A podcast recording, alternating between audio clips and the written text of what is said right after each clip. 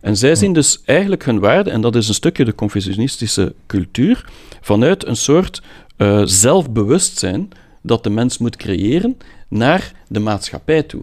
Wij zien dat, alsof een, wij zien dat als, een, als hoe de maatschappij naar het individu moet kijken. Solidariteit. Zo belangrijk. We moeten daar actie voor ondernemen. Een goede persoonlijke reflecties om jezelf altijd in vraag te stellen. Maar nu, nu gaan we er echt voor gaan. Dus here we go. Welkom bij een nieuwe aflevering van Discours met de Boys. Vandaag zitten we hier met niemand minder dan Pascal Koppels, sinoloog en um, ja, tech-ondernemer en voornamelijk 20 jaar in China gewoond. Dus vandaag is het all things China. Uh, welkom. welkom. Dank u. voilà, goed, je hebt uh, recent een nieuw boek geschreven. Hè? Kunnen we China vertrouwen? Voordat we beginnen, een uh, Ja, voilà. We doen altijd een chingetje. Ah, ja, met de whisky ook. Drink ah, je met zelf de whisky. Ook? Maar je moet niet per se drinken als je geen zin hebt. Maar dat is whisky, Soms, whisky honey. Ik drink misschien erachter ja, als ik kan. Oké, okay, dat wel. Fair enough. Fair enough. Pa, Kunnen we China vertrouwen? Dus ik denk, vandaag willen we het sowieso hebben, omdat we zelf doorheen onze podcast heel vaak spreken over onze westerse bril. En uiteindelijk, we spreken daar vaak ook over, mij over het algemeen westerse mensen. Um, en het nadeel is dan dus, je kunt dat dan misschien wel benoemen, maar je kunt eigenlijk niet alle nuances ervan zien. Dus misschien is dat vandaag wel iets wat we sowieso kunnen ontdekken van, hoe ziet die Chinese bril eruit? En misschien ook, hè, we hebben vaak wel kritiek, zeg maar, op uh, China of, of, of de cultuur of vanuit onze mindset. Maar misschien is er eigenlijk ook wel uh, heel veel kritiek vanuit hun bril naar ons toe, dat wij eigenlijk kunnen zeggen van, oh, we kijken vaak wel hè, dat wij alle antwoorden hebben en dat wij denken, oh, democratie, X, Y, Z, maar dat dat misschien toch wat tegenvalt als je eens een andere bril opzet.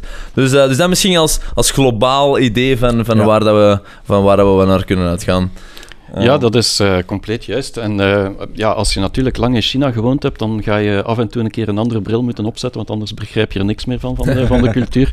En, en het is inderdaad duidelijk dat de Chinezen um, eigenlijk een, door een cultuur die heel anders is, een verleden, om, een omgeving, ja, de dingen ook heel anders bekijken vaak. Maar wat wel interessant en boeiend is, is dat zij de laatste 30, 40 jaar enorm veel van ons geleerd hebben. En dus vaak een westerse bril hebben opgezet om zelf te verbeteren in hun eigen leven. Ja. Maar wij hebben dat niet naar China toe gedaan. Ja. En, en nu komt die confrontatie dat we ons toch de vraag moeten stellen: is China nu niet op een punt gekomen waar wij er ook kunnen van leren? En dus ook inderdaad die westerse bril moeten even eventjes afzetten en een Chinese bril opzetten om te kijken wat dat betekent voor. Uh, voor de, de nuance die we soms er niet in leggen. Ja, ja. ja. Oké. Okay. Goed, misschien, uh, misschien een simpele startvraag. Of simpel, misschien al een vrij complexe startvraag. Maar, Hier is het um, nooit simpel, hè. of we doen toch graag alsof. um, maar uiteindelijk, ik zeg heel vaak, um, en dat is een veralgemening tot en met, dus is niet volledig juist, maar dat uh, China, of eigenlijk zeg ik uh, Azië, het Oosten, over het algemeen wat meer intern kijkt en wij als ja, westerse maatschappij wat meer extern georiënteerd is. Nu, natuurlijk, in zekere mate is dat gelijk, maar dat er veel meer nuance te maken is, omdat dat heel extreem interne zien. Waarschijnlijk is China ook al een deel verwesterd uh, in zekere mate. Mm. Of valt dat eigenlijk toch nog steeds uh, tegen en zijn toch nog steeds heel intern gericht? Of, of hoe is wat de mensmaatschappij kijken? Ja, wel intern en extern is natuurlijk heeft vele betekenissen. En dus als je, als je naar de culturele betekenis kijkt, dan is het wel zo dat China een, een relatiecultuur is. Al 2500 jaar. En dat wij dan een stukje kwijtgespeeld zijn door onze ja, evolutie van de laatste 200 jaar, zijn wij veel individualistischer geworden en, en kijken wij ook veel meer naar, naar buiten. Hm. China blijft heel sterk teruggrijpen naar zijn geschiedenis, zijn verleden. En, en dat is traditie. En sommige andere culturen hebben dat ook. In Japan heb je dat ook. Je hebt dat op, op vele plaatsen. Maar voor China, zelf bij hele jonge mensen, uh, de generatie Z, is dat, zie je echt nog dat die enorm verwesterd zijn maar toch die traditie ergens blijven houden. En, en dus die, die combinatie is wel zeer interessant om naar te kijken. En ja. relaties, is dat dan enkel beperkt tot familiaal of is dat ook nog andere... Het is, het is beperkt tot uh, het netwerk, als je het Ja. zo kan zeggen. En, en in Chinees noemt men dat guanxi. En guanxi is een, een woord dat betekent relatie, maar dat is eigenlijk een slechte vertaling. Het betekent een beetje van ja, de, de banden die je met mensen hebt, waardoor dat je kunt vertrouwen op mensen. En ook als jij mensen helpt, dat zij u gaan helpen. Ja. Dus dat gaat verder dan een relatie. Ja. Eh. Dus dat, dat is echt de, de guanxi. En die guanxi staan, staan centraal in de Chinese cultuur. En, en dat is binnen uw familie, binnen uw vrienden, binnen eh, uw netwerk, uw, uw tribe, zoals men dat zo Mhm, graag mhm. zegt. Eigenlijk allemaal mensen waar dat je een band mee opbouwt, waar dat je kunt vertrouwen opbouwen. Ja. En, en dat zit allemaal in die relatiecultuur. Ja. Ja, ja. En misschien een praktische vraag, even gewoon puur over ja, de business mindset dan. Ik denk, eh, in, eh, in België en zo hebben we heel veel professionele relaties waar we helemaal niet per se een persoonlijke relatie mee hebben. Sterker nog, we hebben soms professionele relaties waar we eigenlijk niet zoveel zin in hebben. Heb je dat in eh, China ook? Ah, je hebt dat uiteraard ook, maar is, dat, is daar een andere tendens in? Of is het zo dat dat ook altijd persoonlijk gericht is, die professionele relaties? Werken ze daar Zo- ook gewoon? De voorkeur is vaak persoonlijk. Ja. Want als ze, als ze persoonlijke relatie kunnen opbouwen, dan hebben ze het gevoel van, ja, dit gaat vlugger gaan. Dus je moet geen eh, NDA's tekenen, je moet, kunt heel vlug dingen gedaan krijgen. Je kan er ook op vertrouwen dat dingen verscheept zullen worden en zo verder en betaald zullen worden. Dus het is toch wel heel belangrijk om dat te doen. Als je dat niet doet, kan je ook een perfecte professionele relatie opbouwen met klanten of met leveranciers. Maar dan blijft in de Chinezen hun achterhoofd toch altijd zo van, ja, je moet voorzichtig zijn. En, Ja. en dan gaan ze heel erg op het contract kijken. Omdat ze dan zeker willen zijn dat daar niks verkeerd in zit. Ja. Dus ja, het is, eh, het is toch iets anders. Want ik heb ooit eens gelezen, en ik weet niet of dat ja, bij u was of ergens anders, of misschien is zelfs fout, maar dat ehm, bij Chinezen, als je er een band mee wilt opbouwen, professioneel, dat het echt heel hard de norm is dat je eerst iets samen gaat drinken of dergelijke. Is dat zo, of is dat fout? Ja, maar dat hoeft niet hoor. Ah, oké. Ah, dat oké, is, een eh, cliché dan. Nee, maar het is, het is wel zo dat je een persoonlijke interesse moet hebben in de mensen. En de fout die de meeste Westerlingen doen, is als ze Chinezen over de vloer krijgen hier in, in, in België of elders, dat is, het eerste dat ze doen is een heel duur restaurant en ze willen die echt in de watten leggen, omdat zij dat ook meegemaakt hebben, misschien als ze naar China geweest zijn. En dan denken ze van, oké, nu hebben we een goede relatie. Mhm. Maar het is die persoon waar dat je moet in geïnteresseerd zijn. Wat je dus moet doen is ja, vragen naar zijn, zijn familie, naar, naar zijn, zijn persoonlijke omgeving. En als, als je dat doet, Echt heel hard te privé. Heel hard te privé. En dus ja. als de, als de Chinese ambassadeur in Brussel u uitnodigt op zijn residentie met uw familie, dan, dan heb je een persoonlijke relatie Ja. opgebouwd. Ja. En alle andere mensen die daar niet eh, uitgenodigd worden, die hebben eigenlijk geen, eh, geen relatie opgebouwd met die man. Wat niet betekent dat ze daarom geen business kunnen meedoen of zaken kunnen meedoen, maar het, het is anders, het is een ander niveau. Zou je dan zeggen ehm, dat China... Goh, het is een heel gek concept wat je nu zegt. Want in die zin zou je dan zeggen dat die meer of minder gereserveerd zijn dan ons. Want ik denk direct aan dat je nu het woord privé Ja, gebruikt. klopt, ik, ik, scheid mijn privé vaak heel hard af. Maar je zou aan de andere kant ook wel kunnen stellen dat, ehm, ja, dat zij toch ook zeker wel op hun privé zijn gesteld. Of zie ik dat fout? Ja, ehm Chinezen zijn heel open. En dat, dat, dat zien wij vaak niet. Dus het is heel anders dan de Japanse eh, maatschappij o- of Korea. Ze zijn heel... eh, Zuid-Korea, maar eh, dat Ja. is, ze zijn heel open van maatschappij. Ehm, maar je moet eerst in dat netwerk binnendringen om die openheid te krijgen. Ja. En anders blijf je een buitenstaander. En het is dat dat ik eigenlijk altijd zeg van kijk, binnen dat netwerk heb je een soort ja, collectiviteit, een soort samenhorigheid. Alles dat daarbuiten is, is ongekend. En, Ja. en ze willen niet weten dat de rest van de wereld van hun veel weet, maar binnen een netwerk wordt alles gedeeld. Ja. En het is dus, ja, het hangt ervan af, behoor je tot het netwerk of behoor je er niet toe? Ja. Ja. Oké, nee.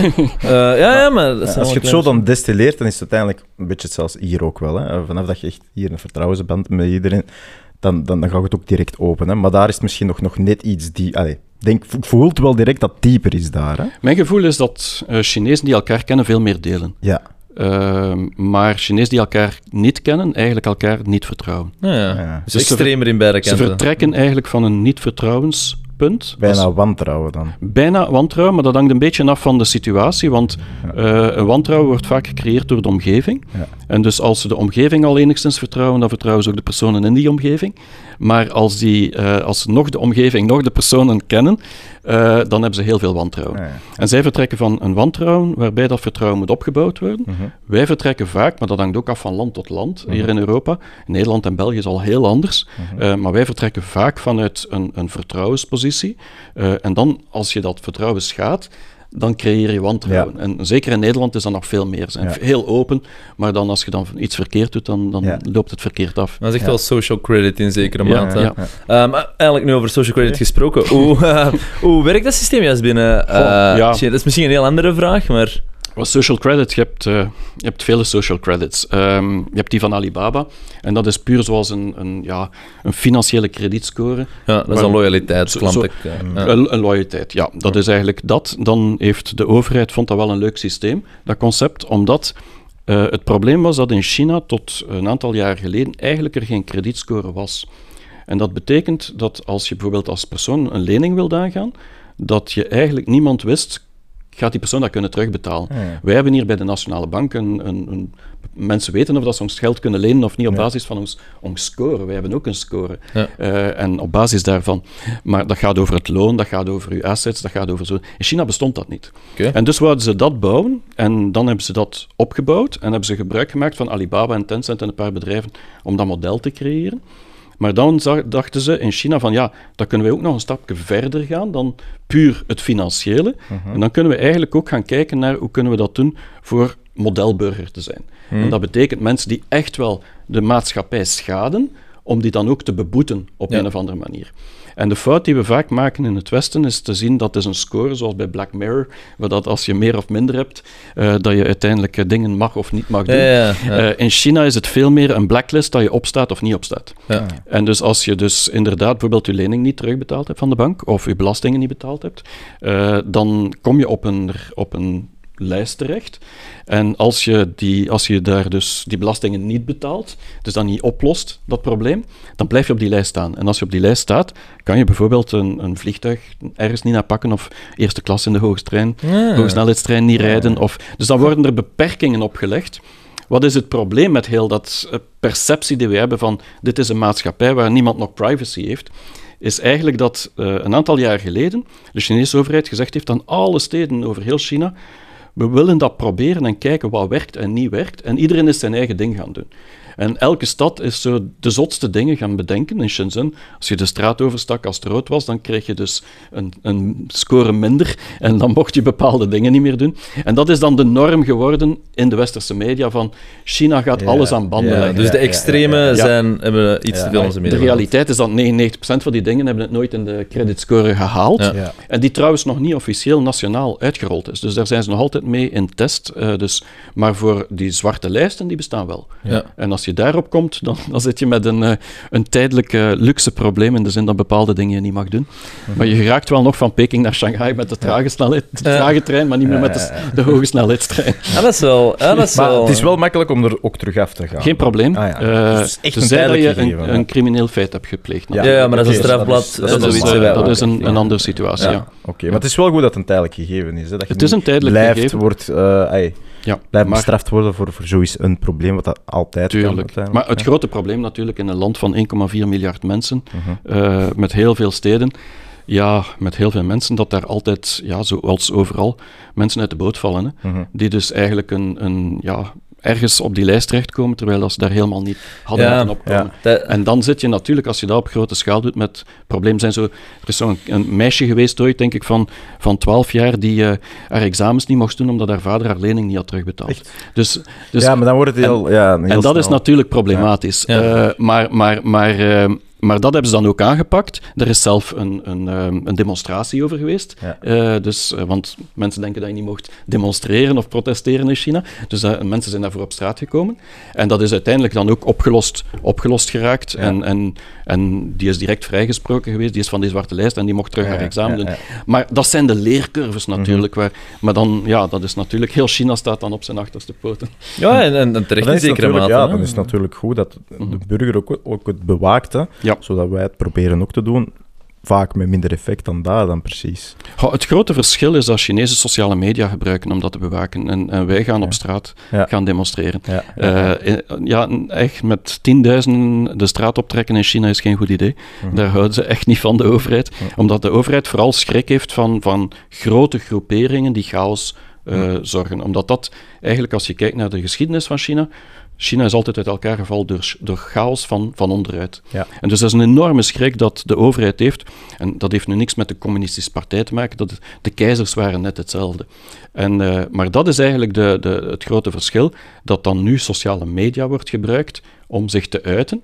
En als je zo'n paar honderdduizend Chinezen of 10 miljoen Chinezen hebt op sociale- sociale media die iets zeggen, dan Ja. wordt dat wel gecensureerd. Ja. Maar eh, de overheid heeft het wel gehoord en gezien. ja. En dan beseffen ze dat ze er iets moeten aan doen, want anders ex- ex- Ja. explodeert dat. Ja. Dus eh, wij zien altijd dat eerste deel, we zien veel te weinig het tweede deel. Dat de overheid dan een soort zelfreflectie doet en dan verandering. En dus die wetgeving heel vlucht aanpast, omdat de Chinese overheid, en dat is mijn ervaring, ook inziet dat het veel minder werk is om die wetgeving eventjes vlug aan te passen, dan eh 100 miljoen Chinezen te censureren. Ja. Ja, ja, ja, ja. ja. Oké. ja. Ja, veel, veel interessante dingen. dan, dan is natuurlijk inderdaad belangrijk hè, van, van welke beweegredenen passen ze het aan, inderdaad, hè, om nest te besparen of dat ze ermee achter staan of niet. Dat is dan ook, ja, uiteindelijk staan ze erachter als ze het ook aanpassen, natuurlijk. Zolang het, de, en dat is natuurlijk niet 100%, hè, maar zolang dat het gevoel heeft dat het land ermee vooruit gaat, Ja.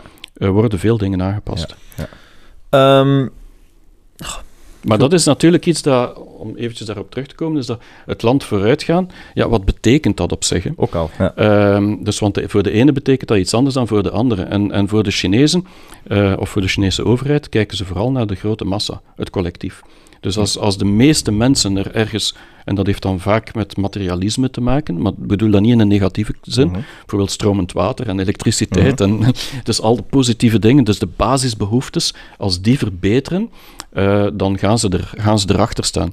En een van de dingen die men te weinig ziet aan China, is dat eigenlijk dat systeem heel zelfregulerend is. Men ziet China als een zeer rigide politiek systeem. Maar eigenlijk is het een systeem, als je naar de laatste 30 jaar kijkt, die meer veranderd is als systeem dan om teven waar elders op de wereld. Omdat, allee, je moet je eventjes terug inbeelden naar de jaren 80, waar dat Deng Xiaoping na Mao gezegd heeft van, we gaan heel het land open doen. En iedereen mag handel drijven. Dit was een communistisch land die plots zegt van we gaan eigenlijk liberale handel openen. Dit is bijna een 180 graden dat gekeerd is. Het is net alsof dat eh, Biden morgen zou zeggen we gaan alle bedrijven in Silicon Valley morgen staatsbedrijven maken, want dat is beter voor onze toekomst. Zou niet gebeuren, maar in China gebeurt dat wel. En dus die, dat systeem heeft zich constant aangepast en, en soms gaan ze te ver en dan, Ja. en dan gaan ze ingrijpen. En, en het is eigenlijk die, die, die trends die we niet zien. Nu, misschien nog heel Ja. even kort over... Dus ze eh, proberen eigenlijk... Allee, er is echt wel die klepel daar, Ja. en die gaat eigenlijk vrij snel links-rechts, Ja. om dat midden eigenlijk zo mooi Ja, te behouden. Daar komt het op neer. Dat is eigenlijk die, de middenklasse, de middenmoot, de, eigenlijk de modale burger. Ja. Alles wat in het midden zit, dat willen ze zo groot en stabiel mogelijk houden. Ja. Ja, dat is wel een goede bewaking, dat de klepel niet te lang aan de kant blijft hangen, natuurlijk. Maar dat kun je ook alleen maar in een autoritair regime doen, natuurlijk. Ja, ja, ja, Waarbij dat eh, in Beijing, als iets beslist wordt, dat het vlug kan uitgevoerd worden. Daar hebben wij, ja, als wij iets willen beslissen, dan duurt het 30 jaar voordat het uitgevoerd wordt. Eh allee, toch de ring rond Antwerpen. en eh, en dat, is, dat is iets dat, dat in China ja, heel vlug gebeurt. En dat heeft het voor- en het nadeel dat ja, als ze vlug iets beslissen, dat, zoals de lockdowns in Shanghai, ja, dat heeft dan een enorme negatieve impact ook. Eh, als je natuurlijk iets vlugs beslist, zoals de hoge snelheidstreinen, heeft dat een enorme positieve impact. Ja. En dus het gaat in beide richtingen. Ja. Maar die snelheid heeft zowel positieve als negatieve impact. Ja. Oké. Gewoon, Oh, fascinerend. je hebt misschien... ehm, Oké, er is veel gezegd en er zijn keihard interessante dingen op in te zoomen. Ehm, misschien... Kies er één. Ja, dat is altijd zo moeilijk, hè. Oké, goed. Je zei er juist van, ehm, eh, de bevolking moet er... Misschien even een leuk feitje dat ik had gelezen, als ik me niet vergis, Mhm. dat er vandaag de dag evenveel ehm, mensen in, de, in China in de middenklasse zitten, die ook voor het Westen als middenklasse worden bekeken. Is dat correct? In Ja, absolute dus, er zijn nu- weten Ja, normaal, er zijn nu ongeveer 230 eh, miljoen families, dat is Mhm. bijna 600 miljoen mensen, die behoren tot de middenklasse. Nu, de middenklasse in China betekent niet dat ze evenveel geld hebben als ons middenklasse hier, Oké. maar evenveel koopkracht. Ja. Dus, Oké, maar ja, dus, dat is... dus komt dat is- hetzelfde. ja, ja, voilà, nee, dat is gewoon omdat producten en diensten Ja, ja, ja. goedkoper zijn. Ja, Omdat ze Ja, ja. maar zoveel zijn, is alles goedkoper. Maar dus er zijn 600 miljoen mensen, dat is bijna evenveel als alle Europeanen samen, dus veel meer dan onze middenklasse in Europa, die eigenlijk een kwaliteits, eh, levenskwaliteit hebben gelijk aan ons in, Ja. in Europa. Nee, dat is Maar wel fascinerend. Maar dat betekent dus ook dat je dus 800 miljoen of 700 miljoen mensen hebt die nog in daar moeten zitten. Ja. En is dat, mogen, natuurlijk het dat mogen we ook niet vergeten. Maar dat is het voordeel van die, die snelheid waarmee het dan dingen worden gecreëerd en daarom dat dat zo voorop staat. En dat is ook iets, denk ik, wat je, wat je gebruikt of een keer hebt gesproken, maar is dat eh, meritocratie. Mhm. En uiteindelijk, hoe dat ik het interpreteer, maar ik weet niet of dat we daar op hetzelfde niveau zitten, maar is uiteindelijk dat het beste idee altijd wint. Ehm, ik weet niet wat voor u meritocratie is. Meritocratie eh, kan je het best vergelijken met eh, een, een, een zeer groot eh, bedrijf. Neem nu een bank, Hm? waar dat je echt moet bewijzen dat je, dat je goed bezig bent en, en ervaren bent om door te groeien. Dus een soort growing up the ladder. Ja. En dus eigenlijk, meritocratie betekent dat je voortdurend, gemo- niet gemonitord, maar eh, beoordeeld wordt, geassessed wordt, op, u, op wat, wat je ervoor gedaan hebt. En de Chinees heeft mij dat eens heel mooi uitgelegd en die zei van, ja kijk, als wij kijken naar waarom Xi Jinping eigenlijk de leider geworden is van China, dan is dat puur te maken met dat hij in elk stadium tot daartoe eigenlijk bewezen heeft dat hij een enorme dienst voor het land heeft gedaan, voor de regio, voor de stad waar dat hij voor verantwoordelijk was. En die zei dan van, stel dat Trump dat zou moeten doen, die zou nooit zelf de burgemeester van het kleinste dorpje in China worden. Hm. Omdat hij eigenlijk in zijn positie nog niks bewezen had in de politiek. Ja. En dat is eigenlijk die meritocratie. En dat heeft te maken met iets dat al 2000 jaar binnen de bureaucratie van China bestaat. Als je aan het keizerhof wil uiteindelijk belanden, als je daar wil belanden, dan moet je door examens gaan. Dan moet je, daarom dat die examens in China zo waanzinnig moeilijk zijn om naar de universiteit te gaan. Het is echt, je moet telkens bewijzen dat je goed genoeg bent. Ja. En op elk niveau. En, en dat niet alleen, en dat wil ik nu niet uitweiden, niet alleen in één sector, maar je moet dat ook op verschillende dingen doen. Dus zowel op politiek vlak, als op sociaal vlak, als op economisch vlak. Als, dus er zijn heel veel facetten. Je moet eigenlijk minister geweest zijn van 30 verschillende portefeuilles en dat goed gedaan hebben om eigenlijk tot de, het niveau van Xi Jinping te In, komen. in, in, in, eh, in de westerse wereld zou je kunnen stellen dat vandaag politiek meer en meer een populariteitscontest is geworden. En maar daar kom je iets minder gemakkelijk mee weg dan in China. Dat, nee, dat lukt niet. Ja. Eh, alleen je mag populair zijn in China.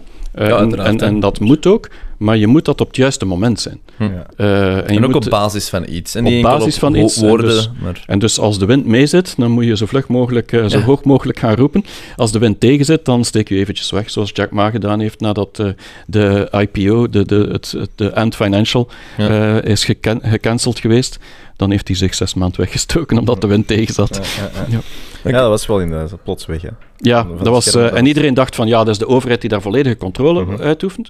Maar mijn verklaring daarbij is van ja, hij heeft gewoon te hard geroepen op het verkeerde moment. Ja.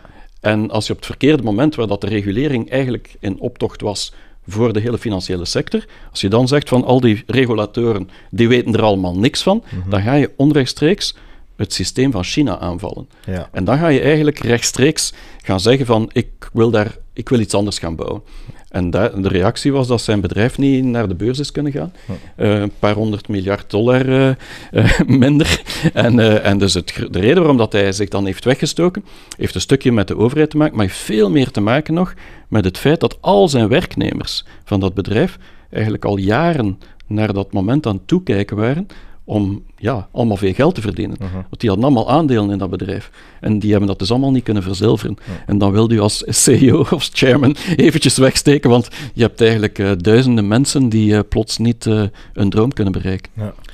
Tuurlijk, en ja, dat is wel echt een, stevig, een stevig moment. Hè? Ja. Ja. Camille, misschien nog heel even kort, en dan ga ik proberen Ja, ja. iets meer in de rode draad te blijven. Maar we hebben het er juist heel even kort over censuur. Hm. Maar dus zo, censuur, controle en discriminatie. Dat zijn zo, op de een of andere manier kun je die allemaal wel in een bepaalde categorie steken van trend. En ik denk eh, ook dat laatste discriminatie is iets vandaag de dag in, eh, denk ik, de westerse wereld, iets dat heel populair is. Hè? Mhm. Eh, en populair niet in de negatieve zin, maar ik bedoel, daar wordt vandaag heel hard op gehamerd. Mhm. En als ik kijk naar China, dan zou ik zelf durven constateren, dat is gebaseerd op niks, laat dat duidelijk zijn, dat ze ehm, ook strenger overkomen. Maar dat kan zijn door het meer traditionele gegeven. Ehm, maar hoe wordt er eigenlijk zo binnen China zeg maar, gekeken naar zo dat hele discriminatiegegeven en eigenlijk daarbij horend dan ook censuur? Want Ja, maar ehm, ja, natuurlijk, ze kijken eigenlijk op dezelfde manier als wij, hoor. Er is daar eigenlijk weinig verschil. Het, het enige verschil is dat het kader waarin iets mag soms iets kleiner is bij hun dan bij ons. Dus Chinezen zijn heel goed bewust van wat ze mogen en niet mogen zeggen op het internet. En 99,999% mogen ze zeggen, net zoals wij. Maar er is daar dingen die zij niet mogen zeggen, die wij wel mogen, omdat dat opnieuw terug dat systeem aanvalt. En, en, en chaos zou kunnen creëren. En, en daar zijn lijsten van. En dus ja, dus ze voelen zich, omwille van het feit dat dat een heel klein percentage is van, van wat ze eigenlijk niet mogen, voelen zij zich niet zo gecontroleerd als wij denken.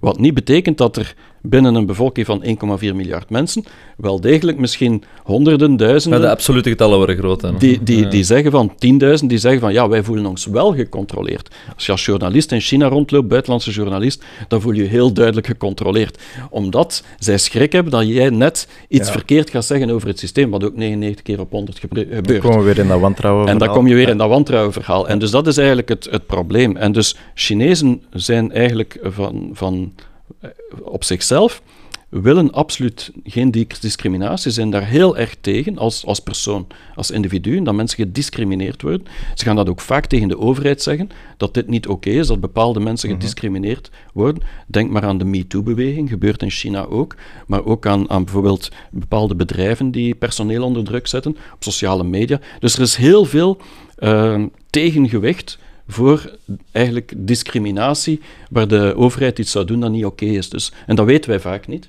Maar dat wil niet zeggen dat China niet discrimineert.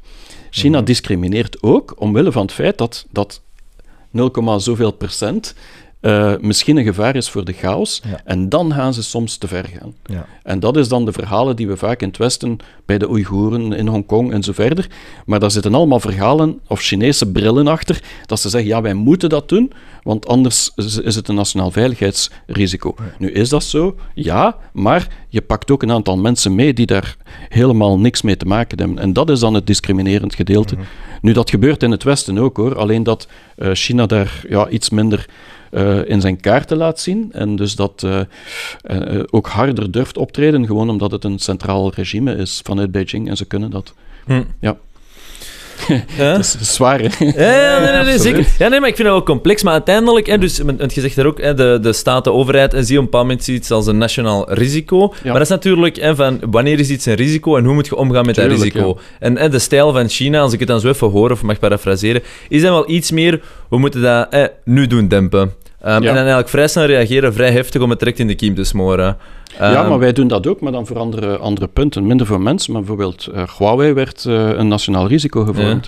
Eh, dat was ook direct dat die buiten moesten in Amerika. Ja, En- maar dat is echt Amerikaans, hè. Ja, ja, maar, nee, nee, dus, klopt. dus vanuit het Chinese standpunt is dat zo van, ja, wij, jullie doen dat ook. Alleen voor andere standpunten en andere, andere facetten.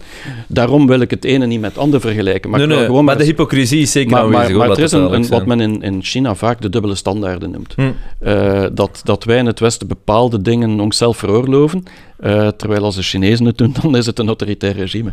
Eh, en dat is een beetje de... Nu, het ene wil niet zeggen dat het andere niet bestaat, het is gewoon dat we de twee vanuit een, ons eigen context bekijken. Ja. En voor Chinezen, die vinden eigenlijk wat er gebeurt met Huawei even erg als wat wij vinden wat er met Hongkong gebeurt. Dat is iets heel bizars. Of bijvoorbeeld in Barcelona met de opstanden eh, die daar gebeuren, de, de, dat, dat uiteindelijk, ja, de, wij daar ook heel hard, die mensen, we hebben die mensen opgesloten die eh, uiteindelijk de onafhankelijkheid van, eh, van eh, dat gebied Catalonië, ja. Van ja, Catalonië wouden.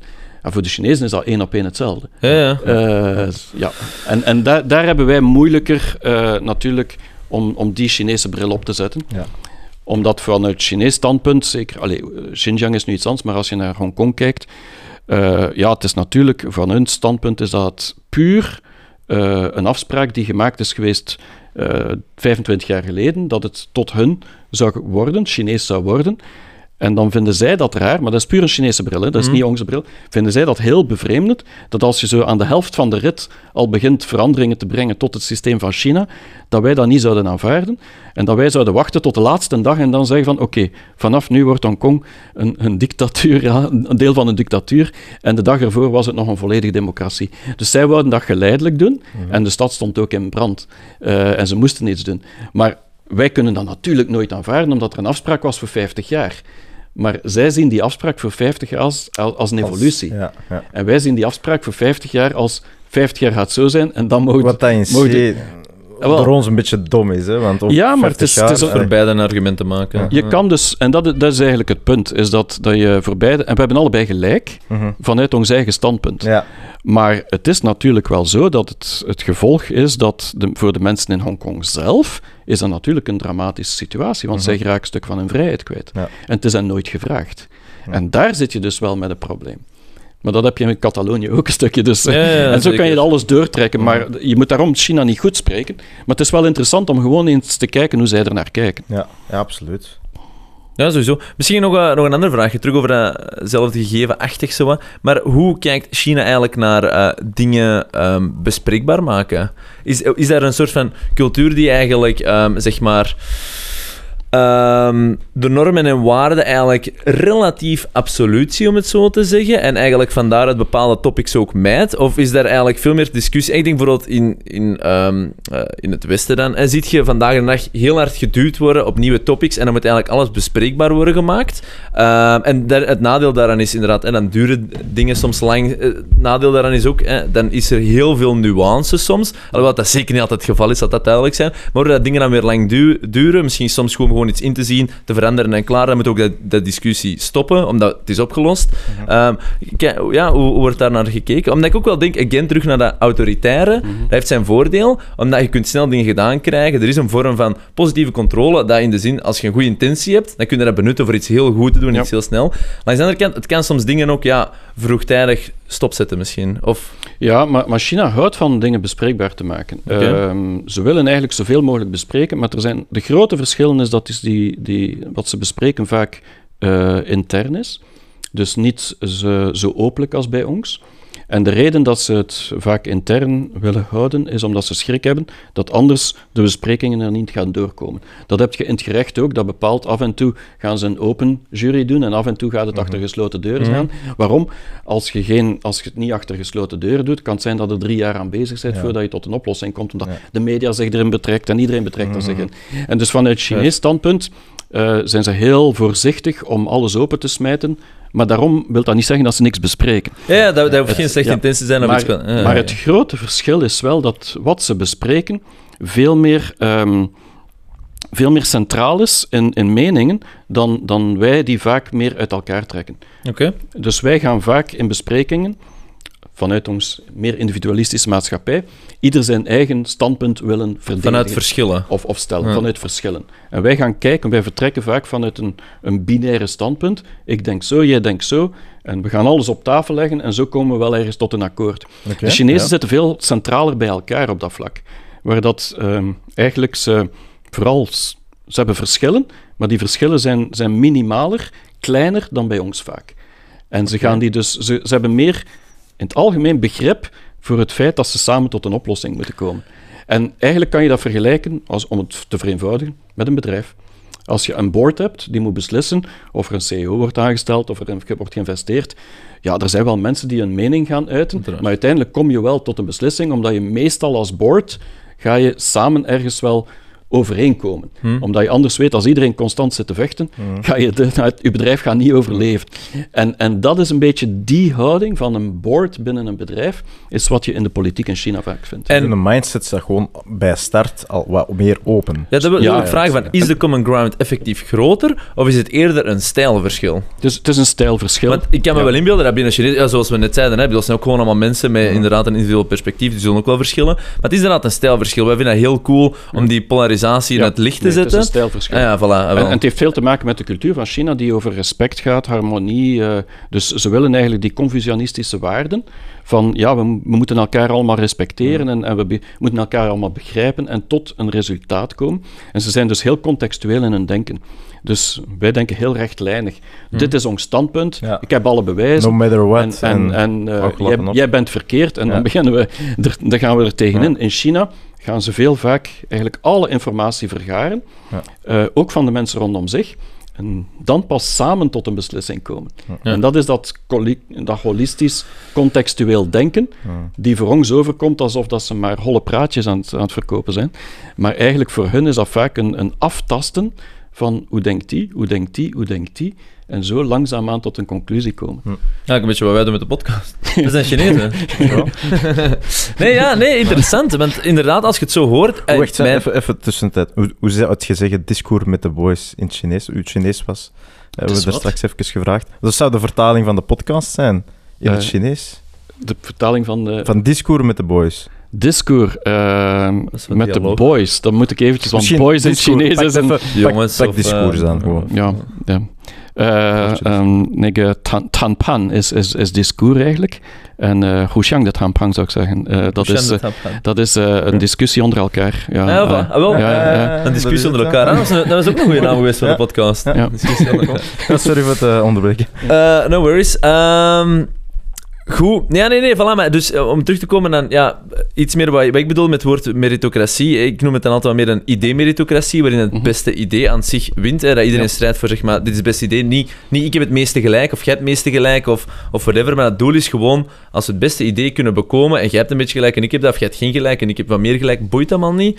Het beste idee moet eh, voorop staan. Hè. We moeten uiteindelijk als land vooruit gaan. Dat is primair. Maakt niet uit wie of wat dat heeft gezegd. Ja, en dat is ook omdat het land nog veel vooruit kan. Hè. Ja. Dus natuurlijk, de dag dat China even rijk is als wij en, en eigenlijk eh, geen armoede meer heeft en, en dan heel veel welvarend, is de vraag wat de overheid dan nog kan bieden aan de, aan de, aan de modale Chinees. maar we dan- zijn daar nog niet hoor. Ah, Gaat misschien China eigenlijk dan op een bepaald moment dezelfde weg op gaan? En misschien dat wij op een bepaald moment terug naar het Chinees model gaan. Hè? Ja. Eh, misschien wel, maar eigenlijk naar het Westers model. Omdat ik, ik, vroeg me dat af en ik vond dat heel grappig om te zien. Want wij zeiden nog, of doorheen onze podcast van, de overheid, doe kalm overheid, ga terug meer naar uw kerntaken. En hou je bezig met de essentie. Faciliteer het individu voornamelijk, zodat het collectief daarvan beter wordt. Maar je merkt dat in China nog veel meer... af- oh, ik spreek er altijd zo algemeen, ik ken er niet zoveel van, hè, dus spreek me altijd zeker tegen. Maar eigenlijk de overheid nog veel meer een controlerende hand neemt, omdat er eigenlijk nog heel veel werk is. Ja. wij zitten eigenlijk al allemaal een beetje op onze lauren. En nu hebben we het gevoel, je bent aan het overcontroleren, want eigenlijk was alles oké voordat je begon te moeien, tussen aanstekens. Ja. Maar daar is er nog veel meer noodzaak om dingen beter te doen, dat daar misschien dat, tussen aanstekens dan, controlerende aspect eigenlijk een toegevoegde waarde is. En niet Ja. zozeer zoals dat bij ons wordt bekeken. er is nog geen 100%. 100 jaar een grondwet, denk ik. Hè? Of wat? Zeg je? De grondwet is zelfs van 54. 54. Ah, ja. Mhm, ja. dat zegt al genoeg. Dus eh, nee, het is, het, is, het is een jong land. En wij vergeten soms hoe jong dat China is. Ja. Maar klopt een beetje Eh, dat assessment dat ik maakte? Of Ja, dat fout? 100 procent. Ja. En, en, en ik denk de fout die we vaak maken in China, over China, is eigenlijk te kijken naar feiten en niet naar trends. En dus zolang dat de trends naar omhoog gaan en dat eigenlijk de Chinees, de modale Chinees, hoe dat je hem ook wilt noemen, eh, erop vooruit gaat, en ook de armen erop vooruit gaan, en zelf de, de, de minderheden erop vooruit gaan, zolang dat dat er gebeurt, hebben de Chinezen het gevoel dat ze heel goed bezig zijn. Eh, terwijl wij het gevoel hebben van, ja, maar om dat te bereiken moet je andere mensen schaden, Eh, misschien een, be- een beperkte groep, Hm? Eh, dus ben je heel slecht bezig. Ja. Maar voor de Chinezen voel, kijken zij meer naar die trends. En dat kan je op alles doortrekken in China. En dus inderdaad, als je naar die trends kijkt, dan zie je dat China in de meeste gevallen er echt heel vlug op vooruit gaat, heel bewust is van zijn vooruitgang, terwijl wij eigenlijk daar niet meer van bewust zijn van onze vooruitgang of waar we naartoe willen soms. En en ik denk dat dat het grote verschil is. En dus de dag dat natuurlijk China eh, even welvarend is als wij in het Westen, ja, dan is de vraag, wat is de rol van, van de overheid? Maar je ziet dat ze nu al in een, een tweede versnelling aan het gaan zijn, waar ze veel meer spreken over wat men noemt common prosperity, dus de, de gedeelde welvaart, waar dat zij een soort socialistische rol gaan hebben, zo, om zeker te zijn dat eigenlijk iedereen mee is in die middenklasse. En dus daar, dat is een groot doel. En zolang dat ze eigenlijk kunnen zorgen dat de grootste deel van de bevolking eh, binnen die middenklasse zit, gaan ze een functie kunnen vervullen. En gaan ze waarschijnlijk steun blijven krijgen van de, van de bevolking. Ja. Ja, ik vind het echt heel interessant, want uiteindelijk het meest interessante, of, of iets heel interessants dat ik over laatst heb gezien, denk dat ik het ook al een paar keer heb gezegd, maar was eh, het filmpje waarop dat je uitlegt, of de vraag eigenlijk uh, luidop stelt van, is China democracy? Ja. Hè? En ik denk uiteindelijk kun je niet stellen dat het antwoord daarop ja is, maar het is wel een interessant model, hè, democratie, dan, om eigenlijk te gaan zien van hoe kijkt China eigenlijk naar hetzelfde doel achter democratie te gaan vervullen. Hè? En, um, en uiteindelijk daar is het antwoord aan van, ja, volgens mij, hè, vanuit hun cultuur proberen ze iets soortgelijk na te streven, is dit gewoon hun antwoord erop. Um, Ah, er was iets heel specifiek wat ik wil vragen. Maar, maar die, ja. die, uh, om eventjes daarop terug te gaan, ja. uh, de, de, de democratie, ja, het is, uh, China noemt zichzelf een democratie. Um, en dat staat zelf, om terug te gaan op wat jij zei, in de grondwet.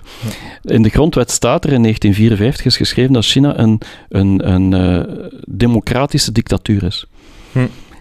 en als je dat begrijpt, dan begrijp je wat dat ze willen zeggen. Ja, ja, ja maar... en, en wat dat, dat eigenlijk Hoe wil... verder dat we in het gesprek gaan, meer dat het zich een kader biedt. Wel. dus, Dus wat dat, dat eigenlijk op zich wil zeggen, is dat binnen die democratische dictatuur, die Ja. China zo gezegd is, dat eigenlijk de dictatuur ervoor instaat, of, of ervoor zorgt, dat die democratie vanuit hun begrip, begrip van democratie, namelijk dat iedereen op vooruit gaat, dat eigenlijk resultaatsgebonden is, uh, dat eigenlijk die dictatuur dat daaraan helpt om die democratie te Ja. verwezenlijken, en dat het veel minder een top-down systeem is zoals men denkt. Ja. En dat heeft dan te maken met het feit dat uh, het systeem op zich in China, dat de meeste, bevolk de meeste mensen van de bevolking uh, eigenlijk erop vertrouwen dat dat systeem hen vooruit zal brengen. Mhm. En daarom hebben ze vertrouwen in dat systeem. En zolang dat ze erop vooruit gaan, gaat eigenlijk alles... eh, is beschouwen ze zichzelf als Ja. een democratie. Ja. En het is dus een woord... Maar wij, Eh, wij maar- als westerse mag ik daar- ik eens op? Ja. Mhm. Omdat ik dat heel specifiek interessant vond, eh, dat vond ik een van uw meest interessante opmerkingen eigenlijk, of wat mij het hart was bijgebleven, Ja. was eh, het feit, en ik had er eigenlijk nog nooit zo over nagedacht, maar sindsdien valt mij dat heel hard op, is van, ik weet niet of je het zo exact zei, maar bon, eh, dat is nu per se... ehm, eh, omdat wij om de vier jaar iemand nieuw kiezen, is dat dan zogezegd meer democratie. Mhm. En zou je dan kunnen stellen, stel dat we morgen iedereen om de drie jaar verkiezen, is het dan meer democratie? Ja. Het is oké. Ehm, en voilà, dus dat vind ik eh, echt heel interessant, want inderdaad, je kunt dat wel stellen, een dictatuur in zekere mate, of democratische dictatuur, en in plaats van dat het daar om de vier jaar wordt herverkozen, ik zeg maar even iets random, is dat om de twintig jaar. Ja, ja. Het voordeel daarvan is, en ik hoop dat iedereen dat ook kan inzien, is wel natuurlijk, als de intentie weer goed zit en bla bla, maar je krijgt natuurlijk veel meer gedaan. Je kunt iets doorduwen, niet gelijk bij ons, om de vier jaar nieuw plan, nieuwe richting, al het goede van het vorige ongedaan maken, et cetera. Dan weer een nieuwe visie, dat je even eens twintig jaar kunt doorduwen, een bepaalde richting kunt uitgaan en ook effectief accountability kunt nemen, of, of eigenlijk ja, dat ook verwacht wordt van u, om iets te realiseren. Eh, maar dat vind ik wel heel interessant, want als we dan terug democratie niet te hard gaan judgen als een, als een doel aan zich, maar een middel, en dat daar dan eh, de dictatorische democratie een, eh, een middel is, dan in functie van het doel vind ik wel dat je een heel sterk argument kunt maken. Ja, tuurlijk. Het Net zoals natuurlijk- Steve Jobs bijvoorbeeld heel lang Apple heeft geleid, en je ziet ook Ja, heeft het is, hè? eh, vaak vergelijk, als je het vergelijkt met bedrijven, is het gemakkelijker om China te begrijpen. Hm? Ja. Ehm, maar het is natuurlijk voor ons heel moeilijk te begrijpen dat niet iedereen een stem zou hebben